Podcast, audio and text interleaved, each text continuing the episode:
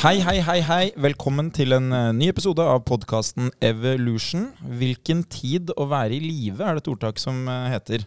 Når jeg våkna i dag tidlig, så var det kanskje ikke det jeg tenkte, etter en eh, litt lang eh, torsdagskveld med en eh, gjeng gutter. Du tenkte at døden hadde vært et godt alternativ i dag? I dag tidlig så tenkte jeg kanskje at det hadde vært et godt alternativ å gjort noe annet i går kveld natt. Men, og så kom jeg på at jeg skal jo ned på jobb, på kontoret. Jeg skal spille en podkastepisode.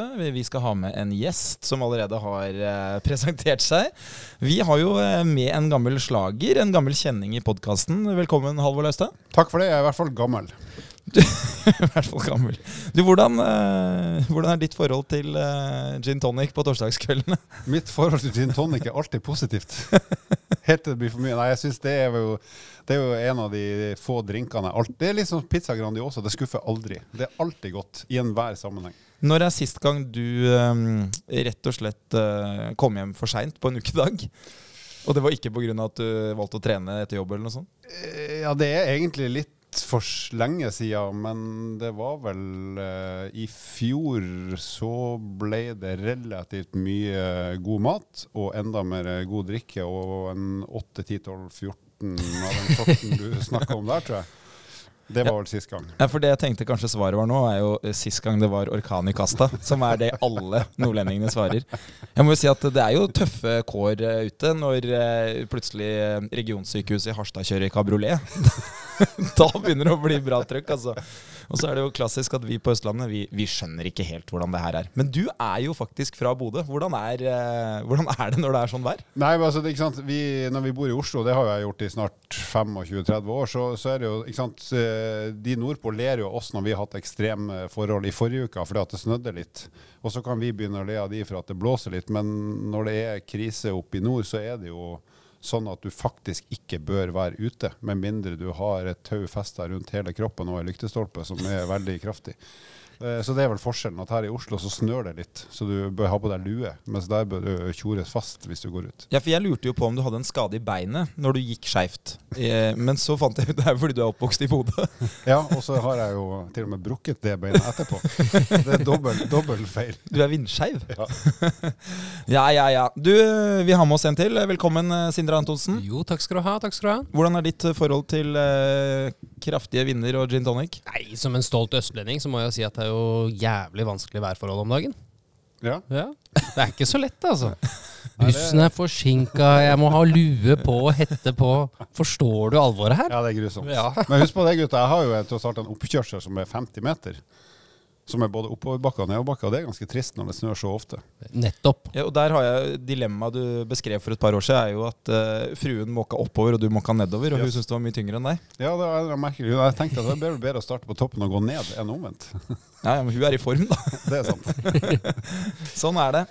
Vi eh, skal jo innom et ganske spennende tema i dag. Vi eh, har jo ikke deg bare på låns her, Halvor, for å prate tull. Selv om vi skal gjøre det òg. Å ja. Nei vel. Ok. Du har jo faktisk med deg noe ganske spennende. Det har jo mm, blitt gjennomført en studie i eh, regi av sykehuset i Vestfold. Der er det jo en ganske glup person på det med vektreduksjon som eh, jobber, og som har ansvaret. Og eh, der er det gjort da en, en studie av Gøran Hjelmeset som handler om vektreduksjon, og en metode for å oppnå den vektreduksjonen.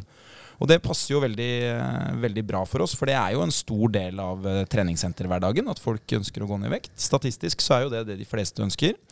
Og så jobber jo du da med det. Hva, hva er det du driver med i dag, Halvor, etter at du slutta hos oss i EVO? Ja, nå jobber jeg i Grete Rode eh, som produktsjef eller produktansvarlig. Så det, min jobb er sammen med de andre å rett og slett finne ut hvordan kan vi hjelpe flest mulig i Norge til å ha ei vekt som de trives med. Eh, og det gjør vi da både digitalt via en app, og vi har det digitale møter med kunder enten én til én eller i gruppe. Og så har vi over 100 veldig dyktige veiledere som er spredd rundt hele Norge, som da også hjelper folk eh, der de bor, eller digitalt over hele for så vidt verden. Hvem er det som er eh, kundene av, eh, av app og eh, av måte tjenestene dere tilbyr? De som har den medlemskapet som da, er- der du får oppfølging egentlig ukentlig, det er stort sett i grove trekk damer i 35-40 pluss-alderen. Og så er det noen mannfolk òg, men det er liksom hoved, det er liksom den klassiske målgruppa fortsatt.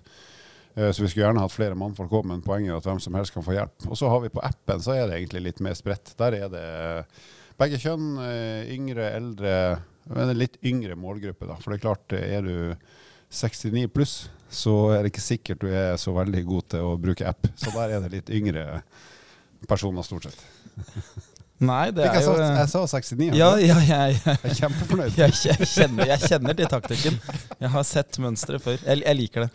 Du, Det er jo eh, den viktigste bursdagen, gutta. Det året du fyller 69. det er det. Og det er ikke lenge til jeg gjør det. Men Wenche Myhre er uenig. Hun mener det er tre år tidligere. Ja. Når du blir 66. Da, da, da, da tar livet Jeg er usikker på om livet ditt tar til da. Det vet jeg ikke. Du, eh, de som eh, er kunder av dere, og som skal gå ned i vekt, hva, hva er liksom utfordringen som de møter eh, på veien? Hva er, hva er liksom den klassiske problemstillingen som dere hjelper til å løse? Nei, Utgangspunktet er jo som alle andre. Jeg har lyst til å gå ned i vekt. Og så er, det, så er jo alltid utfordringa ok, hvordan skal jeg gjøre det sånn at jeg får det til eh, over tid. Og da kan man si at ja, men du må være tålmodig og holde på eh, lenge, og det er en maraton og bla, bla, bla. Men så har jo vi heldigvis sammen med Gøran Hjelmseth og co. funnet ut at det er ikke sikkert at du trenger å vente så lenge for å få ganske stor framgang. Så det er vel det vi skal snakke litt om nå. at eh, nå har vi en metodikk som funker med en gang. Det er litt sånn som med trening. Hvis du er i dårlig form, så vil jo hver økt gjøre at du blir vesentlig bedre. I hvert fall ganske lenge. Og sånn er det egentlig her òg. At vi eh, har nå funnet ut en måte å komme seg fort ned i vekt på som også er ganske enkel å opprettholde. Så det, du slipper å liksom fyke opp igjen, og så må du begynne på nytt og på nytt. Ja, for det, det som ikke mange vet, er jo at dere er jo delaktige i den studien her. Hva, hva er på en måte bidraget som eh, dere i Rode har eh, hatt i studien? Det, det, det er som du sier, Sykehuset i Vestfold ved Gøran Hjelmeset, for øvrig en av Norges tynneste menn, som bare forsker på overvekt. Det er egentlig litt provoserende, tror jeg. Det, det er, For, for mange. er det ikke sånn det pleier å være? Altså, hvite, eldre menn som Ja. skal fortelle hvordan det skal Og slank, slanke ernæringsfysiologer som har gode råd til de som ikke Ja, det er klassiker. Men uh, for å få eh, hjulpet i den, altså i studien her, så var det ca. 300 deltakere, og de måtte ha en oppfølging. Det er ikke bare liksom sende en kostholdsplan og si kjør. Så der har veiledere fra Rode har da fulgt opp veldig, eller alle sammen. Eh, og så delte de inn de her eh, 300 deltakerne i to grupper. Der den ene gruppa gikk på det vi kaller kickstart-dietten, som er ca. 1000 kalorier per døgn. Altså ganske mye mindre det man tenker er normalt. Og så har vi den andre gruppa som hadde et energiunderskudd på snaut 1000 kalorier per dag. Så det vil si at de har spist en sånn 1400-1500-1600 kalorier i døgnet, som er mer en sånn normal metodikk i forhold til ned vekt. Så det man ønsker å se, er, det, er jo for det første hva er den effekten, den raske effekten av å bare gå på 1000 kalorier per dag, kontra det å gå liksom mer gradvis ned i vekt. Hvor stor er den forskjellen?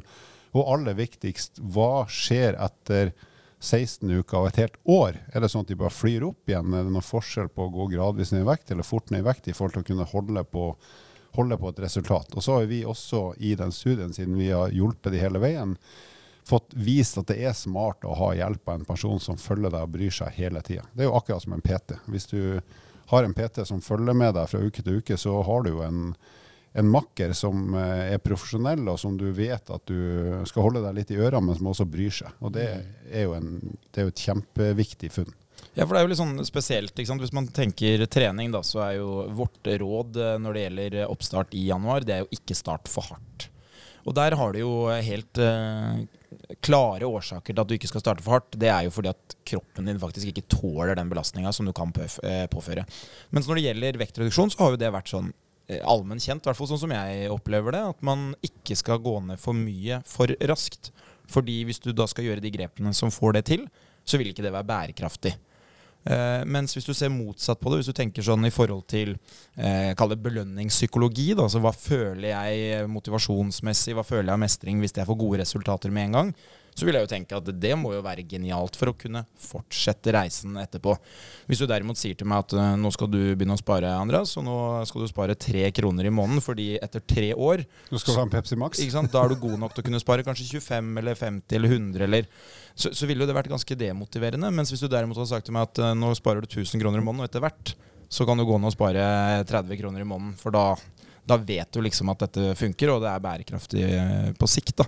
Hvordan, eh, hvordan er det hos dere i forhold til hva dere har gjort tidligere, og hva dere gjør nå etter at denne studien på en måte er ute? Nei, Det er jo det som er interessant. Akkurat det du sier, har jo vært eh, allmenn akseptert, og så har man vel egentlig aldri turt å røre ordentlig i det, at det beste er smarteste er å gå gradvis ned i vekt. Vi har jo snakka om en halv kilo i uka i snitt i en sånn startfase, og det er jo litt dumt å si, men det er relativt enkelt å få til ikke sant? med å eh, moderere kostinntaket. Men når du tar i ordentlig, sånn som her, så ser vi jo at eh, folk raser jo ned i vekt. Så etter 16 uker, de som gikk på den 1000 kalorier om dagen, etter 16 uker så har de gått ned i snitt, altså husk på i gjennomsnitt ca. 150 pers, 13 uker. Så nesten en kilo i uka de første 16 ukene. Oi. Og Husk på det her er jo mennesker som har et helsemessig behov, så de har jo stort sett BMI 30 pluss. Men det er jo et som du sier, Andreas, det er jo mer enn en tusenlapp i uka hvis du tenker sparekontoen. En, en megaeffekt som både er motiverende og som eh, vi etter hvert eh, skal snakke om er bærekraftig. Og så har jo de andre òg gått ned i vekt. De som liksom gikk gradvis ned i vekt, gikk, også, gikk jo også mye ned i vekt. De gikk 8,2 kg ned i vekt, så det er også et superresultat. Men sant, etter 16 uker, hvis du hadde spurt hva vil du helst ha, 13 kg eller vil du ha 8,2? Begge deler er bra, men du tar jo selvfølgelig 13 hvis det viser seg at det er et smart valg også på sikt. Og det er jo det den studien her har vist, at etter ett år, da de fortsatt har fått veiledning, men gradert opp litt mer mat, sånn at det er enklere å på en måte fungere godt i hverdagen, så har jo denne gruppa som starta på 1000 kalorier, de har jo fortsatt å gå ned i vekt. Så de, etter ett år har de gått ned totalt 15,3. Så de har ikke gått opp i vekt, men fortsatt å gå ned i vekt. Og den gruppa som gikk balansert ned i vekt, har også fortsatt å gå ned i vekt. Så de endte opp på 11,2 kilo i gjennomsnitt etter ett år. Så det er jo begge gruppene kjemperesultat, men den kickstart-gruppa er jo ekstremt res god resultat. Og den der pangstarten du får der, er jo helt hinsides rå psykologisk.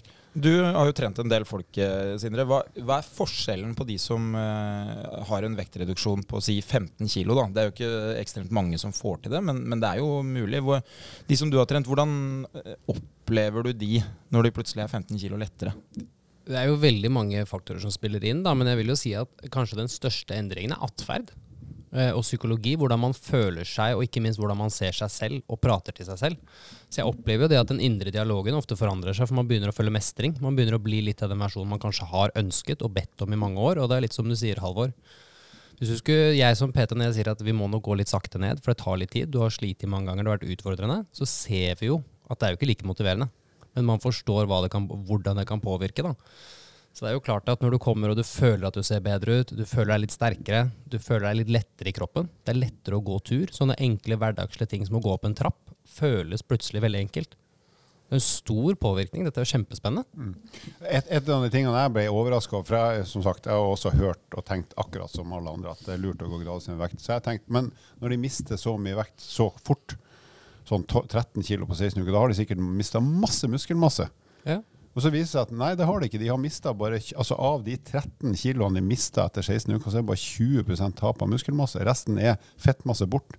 Og det er bedre enn det du ser i alle andre studier der de går gradvis ned i vekt. Og det er også helt sånn hinsides rart, men kult, da. At det faktisk også er bra i forhold til å bevare muskelmassen. Har de har, og de har ikke trent. De har hatt okay. sånn hverdagsaktivitet, men ikke noe strukturert trening. Ser dere noen grunn til hvorfor de klarer å bevare så mye muskelmasse? Nei, altså det, det, er, det vet jo ikke jeg. Altså, jeg er jo overraska, men det er jo bra at det Det er sånn. Da, ikke sant? dritkult, men eh, spennende. ja. Hvis, hvis man tenker sånn rent, øh, rent fysiologisk, da, så kan jo kanskje en av årsakene være at øh, vektreduksjon skjer så raskt at øh, Du rekker ikke å du, du rekker ikke å være så lett så lenge, som gjør at uh, du på en måte du har ikke oppnådd den vektreduksjonen, uh, eller reduksjonen av muskelmasse enda.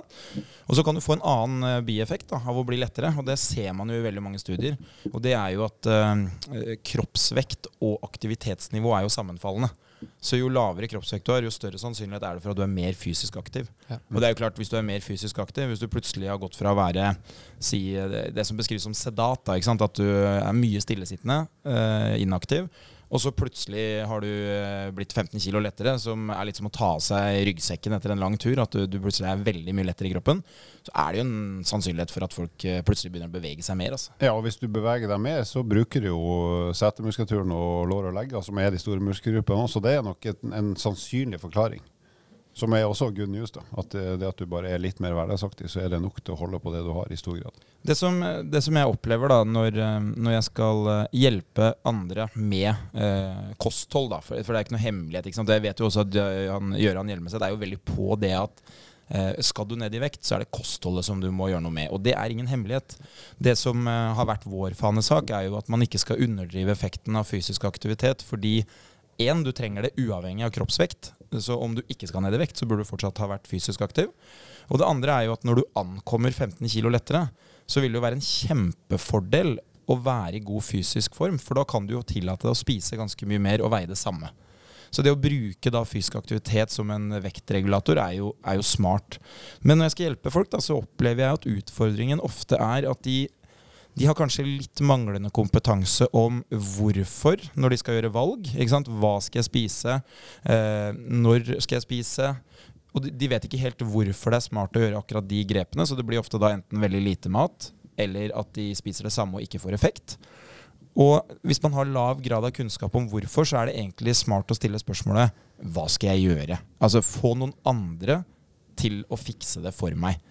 Og da blir det jo sånn at hvis du da ikke oppsøker noen som kan hjelpe deg med hva, så blir det bare dårlige resultater. Og da får du veldig ofte det svaret som er eh, ja, det er jo smart å spise litt mindre. Alle skjønner jo det, at å spise mindre vil jo føre til at du kommer til å veie mindre. Men det er ikke det som skjer, da. Så hva praktisk er det uh, som er gjort i den studien her i forhold til sånn Er det en kostholdsplan de har fulgt? Uh, har de fått mat én gang om dagen? Er det tatt De har blitt fôra en gang om dagen. ja, er det, er det shaker? Hvordan, vet du hvordan det er løst, sånn rent praktisk? Ja, altså det som er det fine med opplegget her, er jo at de har jo selvfølgelig fått veldig tydelige menyer som gjør at de får et energi, det kaloriinntaket de skal ha, pluss-minus bitte lite grann. Så, som er enkelt å forholde seg til, men jo, må, du må jo forholde deg til det for at det skal funke. Så har de fått mat, ikke shaka pulver, sånn som bl.a. i 16 uker helvete. Så de har på en måte funnet fram til mat som fungerer i livet deres, også sammen med familie, hvis de er så uheldige å ha det. Sånn at du trenger ikke å ha et eget opplegg sånn sett. Og så ser vi at veldig mange av de som trives med det her, ender opp med å spise mye magre knekkebrød med godt pålegg, altså type kjøttpålegg med mye protein og begrensa med fett, eller ost som ikke er så veldig feit, men likevel smakfull. Så, så det har jo vært løsninga, at de eter fire-fem måltid per dag i snitt. Og mye av det er knekkebrød. Men så har du typisk en lunsj kan være en varm lunsj, og middag er middag. Og det er ikke noen sånne merkelige middagsoppskrifter. Det er rett og slett den maten de liker, men i en smart variant, som du da kan spise med de andre. Og så har de jo fått oppfølging av de veilederne i Grete Rode, som har passa på at de klarer å holde seg til planen og hjelper de når det er vanskelig. For det er klart, særlig i første uka er jo det sånn, er jo et slags positivt sjokk for kroppen. For da går du jo fra kanskje 2000-3000 kalorier, og så plutselig skal du ned på 1000. Det, det, merkes jo. Så da er det jo sult og søtsug og ganske mye som i varierende grad treffer hver enkelt. Og da er det jo superviktig å ha en veileder der. Og så vet jo alle som har drevet med uh, ting som er positive, at en eller annen gang så stagnerer det jo litt. Det flyr jo ikke til himmels eller til helvete sånn resten av livet. Og da òg er det jo superviktig å ha en eller annen som bryr seg, når du ser at nå kommer vi snart inn i en fase der vi må enten gjøre noe annet, eller så må vi, vi må bearbeide hvordan skal du fortsette prosessen. Og så må vi justere oss inn sånn at det går videre, men, men ikke like fort. Og det, det, er jo der denne menneskelige oppfølginga, uansett om det er trening eller kost, er så viktig. Ja, for Hvis du legger til grunn at folk gjør det samme hver dag, så vil det jo være hvileforbrenninga som på en måte er eh, ovnen, da, som, eh, som eh, bruker opp energien. Og det er klart Hvis du da spiser 1000 kalorier og du gradvis veier mindre og mindre, så vil jo effekten av vektreduksjonen avta. Mm. Men samtidig så trenger man jo kanskje en lavere vektreduksjon på et tidspunkt òg, fordi prosentvis så Hvis du veier 80 kilo, så er liksom 8 kilo er 10 da, mens hvis du veier 150 kilo, så er det 15 kilo. Så det er klart du, du har jo et annet behov. Hvordan eh, opplever du, Sindre, de kundene du har når de går på kall det en type diett, eller de skal ned i vekt? Eh, er det sånn at folk tenker liksom Yes, dette går greit, eller er det ubehagelig? Og hvordan opplever du de eh, sånn uh, i den perioden? Vi er jo mennesker, og det å skulle gjøre endring, det er tungt. Og det å skulle gjøre endring på noe vi vet på lang sikt er bra, men på kort sikt er ganske ubehagelig, det er sinnssykt vanskelig. Og det er jo klart at alle kundene jeg møter, jeg tror det uten unntak har prøvd. Mer enn tre ganger. Uh, så den gangen de, hvor de begynner å få det til, det er utfordrende, det tar tid. Man faller litt av på veien. Og det er derfor man alltid prøver, Jeg prøver alltid å vise til Helsedirektoratet. Vi skal ned en halv til en kilo i uka. Og så ser man jo på dietten din at det jo, blir jo egentlig i løpet av året ganske sunt. Det starter ganske ekstremt, men det må jo føles ganske godt når du er, er ute disse etter seks måneder, har en bedre diett. Og det kan jeg se for meg hadde vært veldig praktisk til flere av mine kunder òg, som syns det har vært vanskelig i starten. da. Ja, så, så tenkte jeg bare når jeg, Etter ei uke da, så har du kanskje gått ned én, halvannen, kanskje til og med to kilo, avhengig av utgangspunktet. Og det er jo En boost. Ja, det er en boost. Og, det er jo, og den der innkjøringsfasen er for de fleste er unnagjort på under ei uke. Og noen har det jo veldig smooth, men det er jo eh, veldig store variasjoner. Ja, For jeg tenker jo litt på den helvetesuka som du pleier å ha på med PT-kundene dine, Andreas. Det er jo litt av den samme metodikken, egentlig. Vi starter hardt, og så går vi rolig ned til hva som skal være normalt etterpå. Ja, for det, det som vi ø, ofte undervurderer, da, det er jo at mennesker bruker jo ø, Altså referansene de bruker, er jo erfaringa de har. Så det er klart Hvis du aldri har vært med på noe og skal gjøre noe som er ekstremt, si at du har gått eh, noen skiturer da, i, i skauen, du har gått en eh, 10-12-13-14 km, og så møter du opp og skal gå Birken, så blir jo det helt grusomt. Men jeg kan jo si sånn at de som stiller på start i Birken, som gikk Vasaloppet to uker før, de har jo en helt annen innstilling til hvor lang Birken er. For det er jo plutselig mange mil kortere. Da går du fra ni mil til 53. Det er oppvarming. Det er bare oppvarming. Ikke sant? Bare jeg kom meg opp de to mila her nå, så skal jeg stå i hockey ned, sa de til meg. Får noe hockey ned. Det så ikke sånn ut når vi møttes på bussen Nei. etter endt løp. Det, det vet du kanskje ikke, Sindre, men det, det, det tristeste øyeblikket i min konkurransekarriere og Halvor sitt sammenfalt ved at vi satt på bussen ned, for du går jo i mål på um, eh, stadion, eh, det er skistadion på Lillehammer, så må du ta bussen ned til hallene hvor det er eh, dusj og garderobe og sånn. Da, da var det Jeg tror det var to stykker som la opp, egentlig, Ja, ganske var- greit der. Da, da satt jeg på bussen uten sikkerhetsbelte, for å si det sånn. Da var, jeg, da var jeg så lei av livet. Jeg kjørte hjem uten sikkerhetsbelte òg, tror jeg. Og så var det også sånn at vi, vi hadde gått så sakte siste kilometerne, og det var så kaldt. Så det var ikke sånn at du kommer i mål og har et sånt gyllent kvarter hvor du fortsatt er varm. Vi, vi var allerede kalde. Du sto i kø der, og da, da var det sånn eh, Hvis skia mine nå ikke får plass, så skal de ikke være med. Det, jeg driter egentlig i det, liksom. Og knekker du staven inn mellom to seter her, liksom, så det går helt greit. Jeg skal ikke stake mer uansett. Nei, det var, det var seie, seie, saker.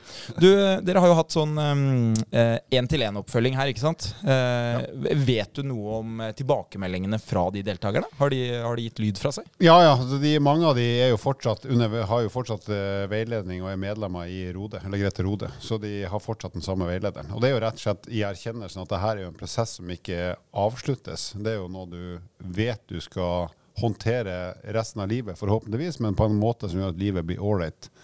Uh, og veldig mange av de her har jo blitt så glad i den måten de lærte seg å spise på, at de gjør det fortsatt i mer eller mindre grad. Men da med en sånn matmengde som er tilpassa det de trenger for enten å fortsette å gå ned i vekt eller holde vekta.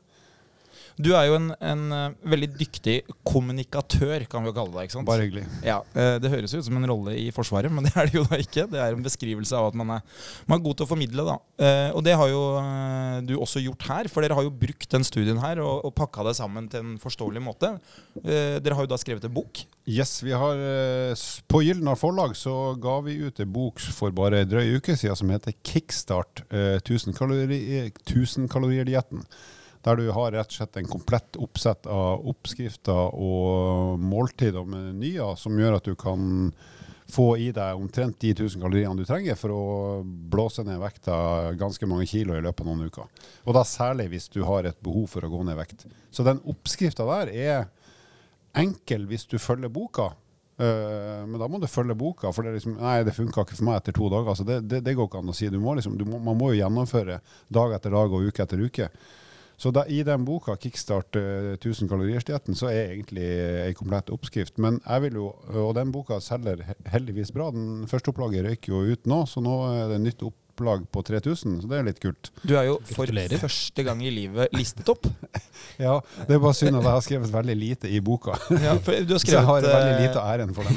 du har skrevet med en kollega, har du det? Jeg har skrevet, skrevet sammen med Karoline Stenbukk og Unni Koldevin. Og det er jo de som er næringsmenneskene her, så det er de som har gjort hovedjobben. Jeg har skrevet litt om trening og sånn, og forbrenningstrening. Så det har vært min, min rolle. Men eh, det er uansett kult, da, eh, er jo at den boka selger, for folk ser at det funker, og de har lyst til å prøve det. Og så vil jo jeg anbefale, akkurat som med trening, at hvis du skal i gang med noe helt nytt som har med livsstil å gjøre, så få hjelp av noen i tillegg. Så boka er jo helt gull alene, men det kan kanskje være lurt å få hjelp av en, enten en PT for så vidt, eller en eh, veileder i f.eks. Grete Rode, eller en annen som kan hjelpe deg i tillegg til å få oppskrifta. For det er et eller annet med å få det til i sitt eget liv også, å ha en makker å spare med. det, Definitivt. det som jeg opplever uh, ofte, da, det er jo at eh, når man begynner prosessen, så vil en del uh, gjerne at det skal være enkelt. Og det er ikke noe hemmelighet. Jeg liker jo det, jeg òg, med det meste jeg skal gjøre. At det bare skulle vært enkelt. Og så skjønner man jo når man begynner å, å grave litt i det, at oi, dette her er jo omfattende. Det her kommer jo til å kreve veldig mye av meg. Og så er det sånn at de som lykkes, de har jo forstått at oi, det her var jo kanskje den mest omfattende oppgaven jeg har gjort de siste seks månedene eller tolv månedene. Det har jo vært, Hele livet mitt har jo nesten eh, dreid seg rundt akkurat det med å gå ned i vekt. Hvordan eh, opplever du da kundene Sindre, som, som er i den prosessen? Er det, er det det tilbakemeldingene er fra de, eller er det sånn at eh, noen som bare tar lett på det, lykkes? Jeg opplever jo at i stor grad så står det veldig nært. Det er et eierskap rundt det målet, som er klart at det er vanskelig å, knytte, vanskelig å få til. Men det som har vært fordelaktig for mange av mine, er jo at i perioder så blir det motgang. Det er veldig vanskelig. Og det å da kunne se litt på treningsresultater Se, du har blitt sterkere. Du har jo mestra denne øvelsen. Du har fått til å jogge nå fire minutter på rad. Så har man noen andre parametere man kan ha for å motivere seg i mellomtida. For det er jo klart at uh, når du skal uh, trene, da, hvis du skal trene en gang om dagen da, da, En god avgjørelse holder for å få det inn i treningskalenderen. Men jeg kjenner jo på det sjøl at eh, når det gjelder kosthold, da, så det er jo ikke én gang om dagen jeg skal si ja eller nei. Det er jo det er mange gode forsøk eh, som dukker opp. Ja, og det er jo nettopp derfor, sånn som kickstart, eh, er jo at du spiser mat du i utgangspunktet trives med, med mindre du bare eter dritt, og det er det jo ingen som gjør. Men da velger du bort det som er de dårligste valgene, og så beholder du de som er smarte som du tross alt liker. Altså, jeg har et annet eksempel. En som heter Roger, som følges opp i, av oss da, med kickstart og, og forbrenningstrening. Han, han, følges opp i Dagbladet Pluss. Han begynte i midten av desember på kickstart-dietten, pluss at vi kjørte to-tre sånne motbakke forbrenningsintervaller gående med han eh, da. Han veide 164 kilo ca. i midten av desember. Han har gått ned 13 kilo på fem uker. Oi. Og han har jo da som han sa, ja, eh, ja, selvfølgelig var jeg sulten første uka, men det jeg eter, er jo smakfull, god mat som jeg likte før jeg begynte. Men jeg har jo slutta med godteri hver dag og mange andre ting som han selvfølgelig fra før visste ikke var forenlig med å gå ned i vekt. Men det er jo hele poenget at du, eter, du må ete mat du trives med, hvis du skal gjøre det ja, fire-fem ganger om dagen og tusenvis av ganger i løpet av en måned og et år. Så, så, det, så, det, er jo det som er nøkkelen, å lære seg at OK, det her er godt, det her er også et smart valg. Da står jeg på det. Så kan det hende at uh, sånn som jeg, eller sånn som Roger, han er jo flink til å utforske litt. Mens andre vil si at jeg liker den og den middagen, den og den lunsjen. Så tar jeg en multivitamintablett. Greit, det funker for meg. Jeg trenger ikke å variere med masse fancy hver dag. Mm. Så, så, det er jo det som er fordelen, at du kan være litt sånn sær og, og, og, bare finne noen ting som funker dag etter dag, eller du kan være litt kreativ og lete etter andre smaker som du kanskje ikke har blitt introdusert for før. Ja, for spillerommet er jo egentlig enormt. ikke sant? Du, du har et visst antall kalorier, du kan gjøre hva du vil med de. Og så er det jo sånn at uh, mange av de som lykkes, de velger enten-eller. Altså De velger enten å være veldig opptatt av det, veldig kreative, benytte seg av friheten i å se, sammensette masse fine retter da, og, og mye forskjellig mat.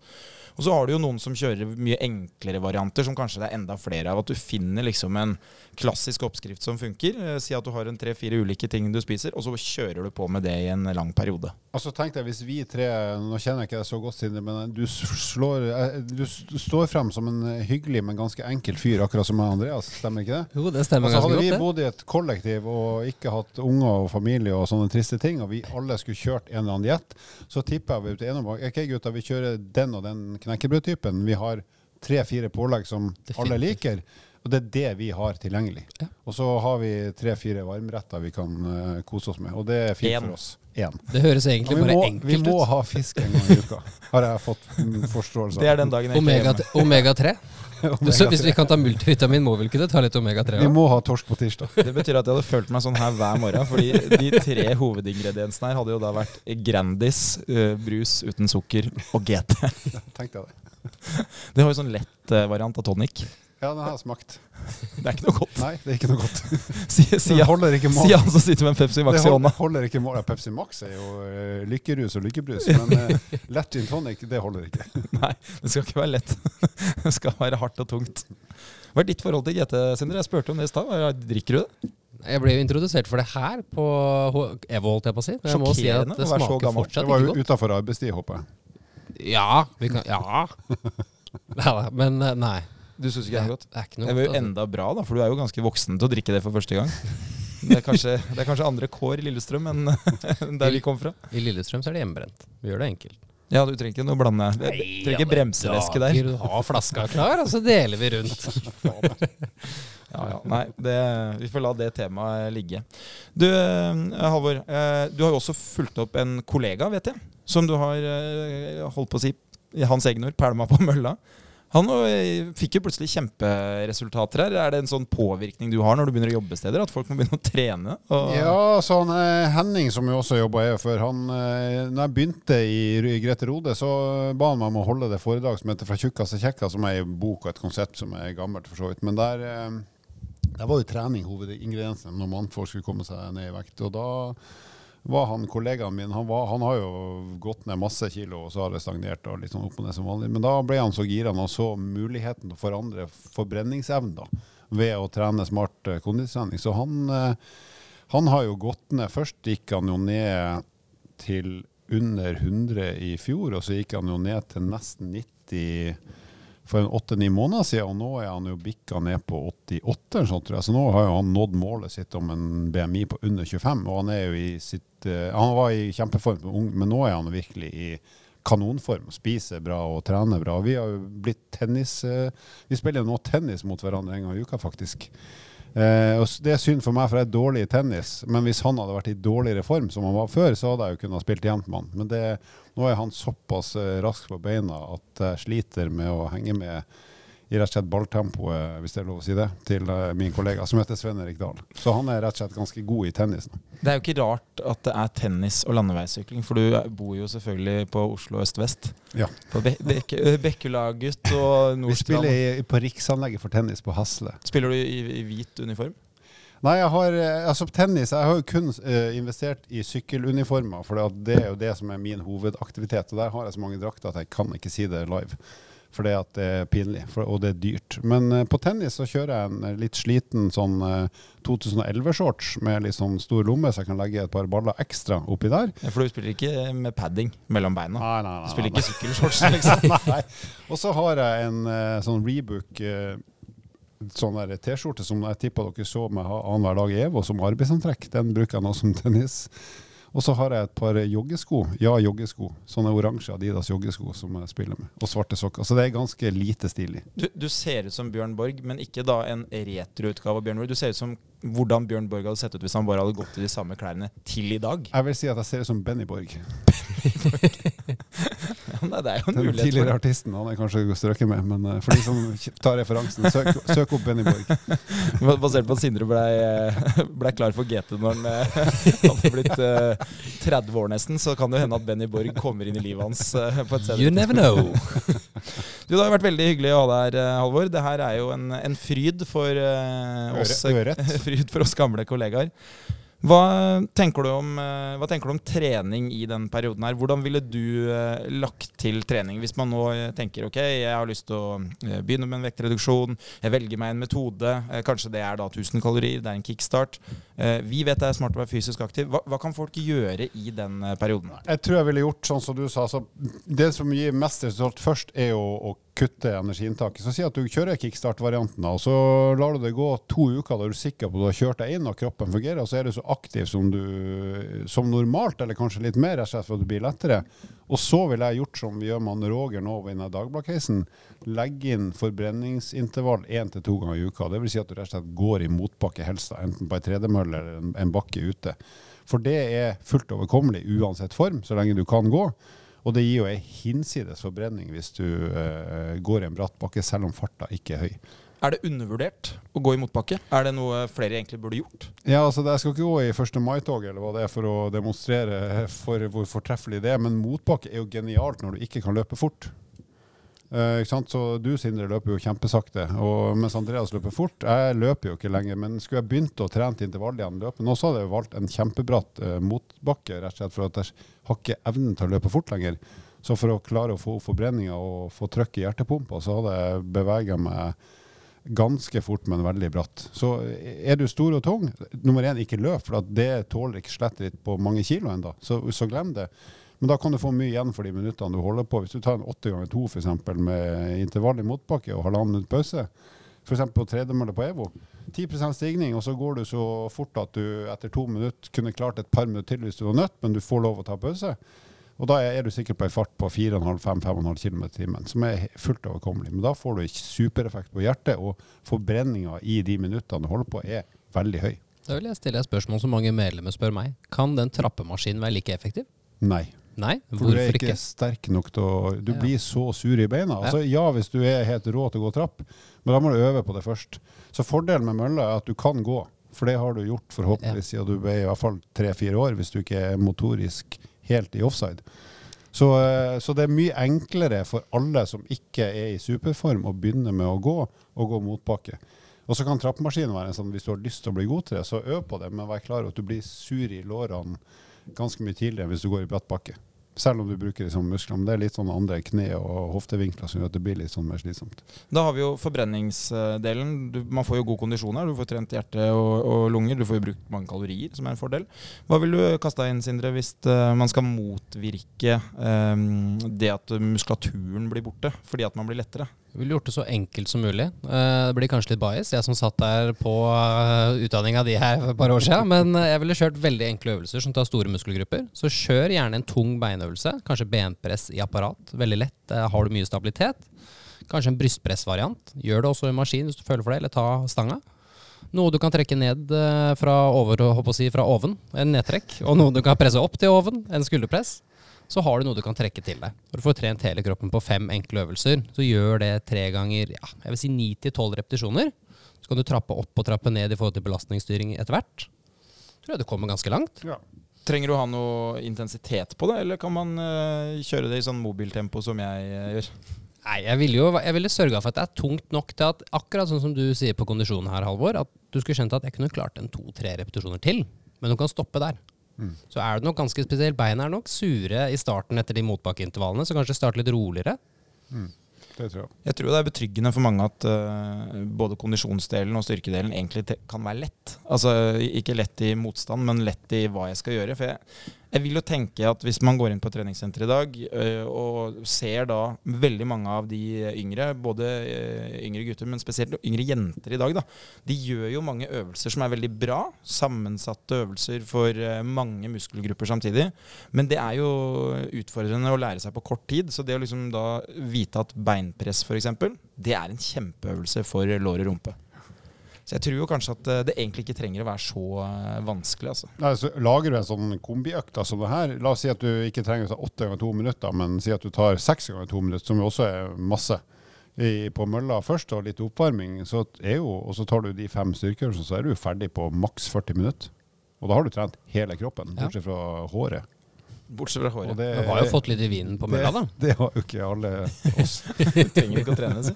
Du, eh, et siste spørsmål, Halvor. Eh, Hva er årets målsetning med Du har jo hatt en sånn rullerende treårssyklus med sykling. Men så har du kanskje ikke sykla nok til at tre år holdt. Hva, hva er prosjektet 2024? Paralympics. Skal du til Paris? Ja, jeg håper det. Nei da, jeg skal ikke det. Nei, eh, nei jeg er jo eh, Altså, Som jeg jo visste når jeg begynte å sykle, at det blir kult i to år, for da får du framgang bare for at du gjør noe du ikke er så god til. Eller har gjort lenge, da. Og jeg er fortsatt ikke noe god, men nå har jeg trent så mange tusen timer at ethvert eh, promille framgang er jo kostbart. Men nå har jeg faktisk funnet ut helt sikkert hva slags type trening jeg responderer best på, så nå er jeg ganske sikker på at jeg skal sette en ny personlig rekord opp til Tryvann når det blir vår. Og så er jeg ganske sikker på at jeg skal klare å tråkke enda litt litt flere watt på en sånn 20 minutters hest jeg har. Og hvis jeg får til det, så er livet helt fenomenalt. Da er alt annet uviktig. Det er jo din årstid, det. Halvår. Andreas, nå må du eh, finne fram tauet her. Ja, det Nå er vi eh, ved veis ende. Apropos 40 minutter. Nå er det, Nå er det nach- nå- er det nachspiel, Andreas. Jeg tror vi, vi går tom for bånd her. Du, Det har vært en eh, fornøyelse å ha deg på besøk. Det her er jo kanskje en av de mer informative episodene vi Det her er vel kanskje den aller beste i historien til Evolution. Faktisk, ja. Hvis du, hvis du spoler over alle gangene vi ikke snakker om det vi skal, så er det her den beste episoden. Men jeg tror jo basert på problematikk, basert på det vi opplever ute på treningssenteret, så er jo det her et svar på veldig mye utfordringer. Definitivt. Hvordan går det med egen styrketrening? Er det, trener du Du ser på meg og ler, så du ser vel svaret. Jeg vil bare ha det på, på tape her. Så da Med, Nei, med de jeg, ordene. jeg, jeg trener litt overkropp for å ikke se dum ut, og så trener jeg bitte litt bein. Men jeg knakk jo lårhalsen her i, Fader. på sensommeren, så det, det forteller vel litt om at min eh, Jeg er vel omtrent beinskjør, så jeg burde trent mer styrketrening, er jo svaret. Altså, det å brekke lårhalsen det er jo noe som står i margen til kvinner over 80 år, som regel. Det var det jeg tenkte òg. Ja, det er stort sett når du passerer 69 år, 69 år at du eventuelt knekker lårhalsen. Det, det var heldigvis ikke fordi du hadde slitent skjelett. Tenk, nei, det sjekker jeg faktisk. Altså, for de som ikke visste det, og det er vel egentlig ingen, så var jeg på sykkelferie i eh, Spania i august.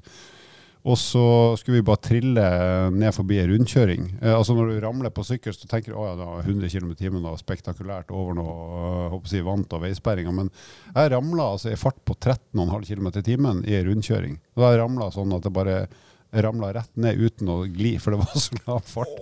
Og så viste det seg når jeg kom hjem da, et par dager etterpå at jeg hadde knekt eh, lårhalsen. Og det skjønte du ikke før et par Nei, Ja, altså, det var vondt, men jeg, jeg, jeg trodde helt ærlig at det ikke var knekt. Så jeg gikk rundt på noen sånne minigolfkøller som krykke et par dager der før vi fløy hjem. Du, du, du kom sittende hjem, gjorde du ikke det? Jo, altså, jeg fikk en sånn rullestol på flyplassen. Det var, helt, ja, det var helt konge. Da kommer du først inn på Ja, først inn, og så kommer du jo når du er på flyplassen i rullestol, uansett om du ser ut som meg, så får du jo Fikk gratis brus på en kafé, ble trilla bare rett gjennom alle køer. Det var jo stående applaus og jubelrop overalt. Så vil jeg sende en takk til hun uh, oppå Bekkelaget der som tok bilde av det. Så Ja, jeg ja, stemmer det. Min uh, verste halvdel. Ja, det, det, det, er, det er så god humor, det. Jeg, liker det. Nei, det er, det er bra. Ja, vi får jo satse da på at Kan jeg si eh, den sjukeste opplevelsen jeg hadde i rullestol på flyplass? Vi må bare klippe det bort hvis det er for dårlig. Men når vi hadde landa på Gardermoen, så fikk jeg jo sånn rullestol der. ikke sant? Samme type sånn sammenleggbar dritt. Og så, jeg, så måtte jeg pisse så sinnssykt. Jeg gidder ikke å gjøre det på flyet, for jeg gidder liksom ikke å stable meg rundt der med knekt lår. Og så hadde jeg funnet meg en bås, for jeg klarte å stå, så fant jeg meg et sånn urinal. Ja, altså der du står og pisser, ikke sant? Ja.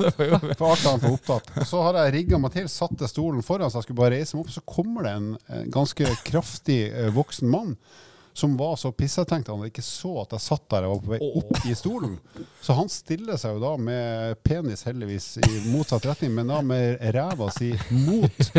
Når jeg sitter i rullestol, så er det midt i nesa mi. Så hans og når du er pissetrengt og begynner å pisse, det vet jeg for alle mannfolk, da slipper du opp i andre enden òg. Så han sto og pissa og dreit på meg i 45 sekunder.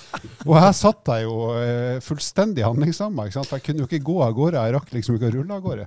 Så det, det var eh, en absurd situasjon som rullestolbruker. Tortur. Jeg ser bare Jim Carrey. Åh. Ja, hvis du hørte den historien der nå, så, så har vi ikke lyktes med å klippe den bort, dessverre. Beklager. Jeg, jeg har ikke mer å si ennå. Det der var jo faktisk Det var spikeren i kista. Bokstavelig talt. Takk for at du har lyttet på både gode tips til vektreduksjon og dårlige historier fra godt voksne menn. Vi eh, håper jo at eh, du har funnet noe som du kan bruke, og så setter vi jo pris på at du har vært med helt hit i episoden. Vi høres igjen om ikke altfor lenge.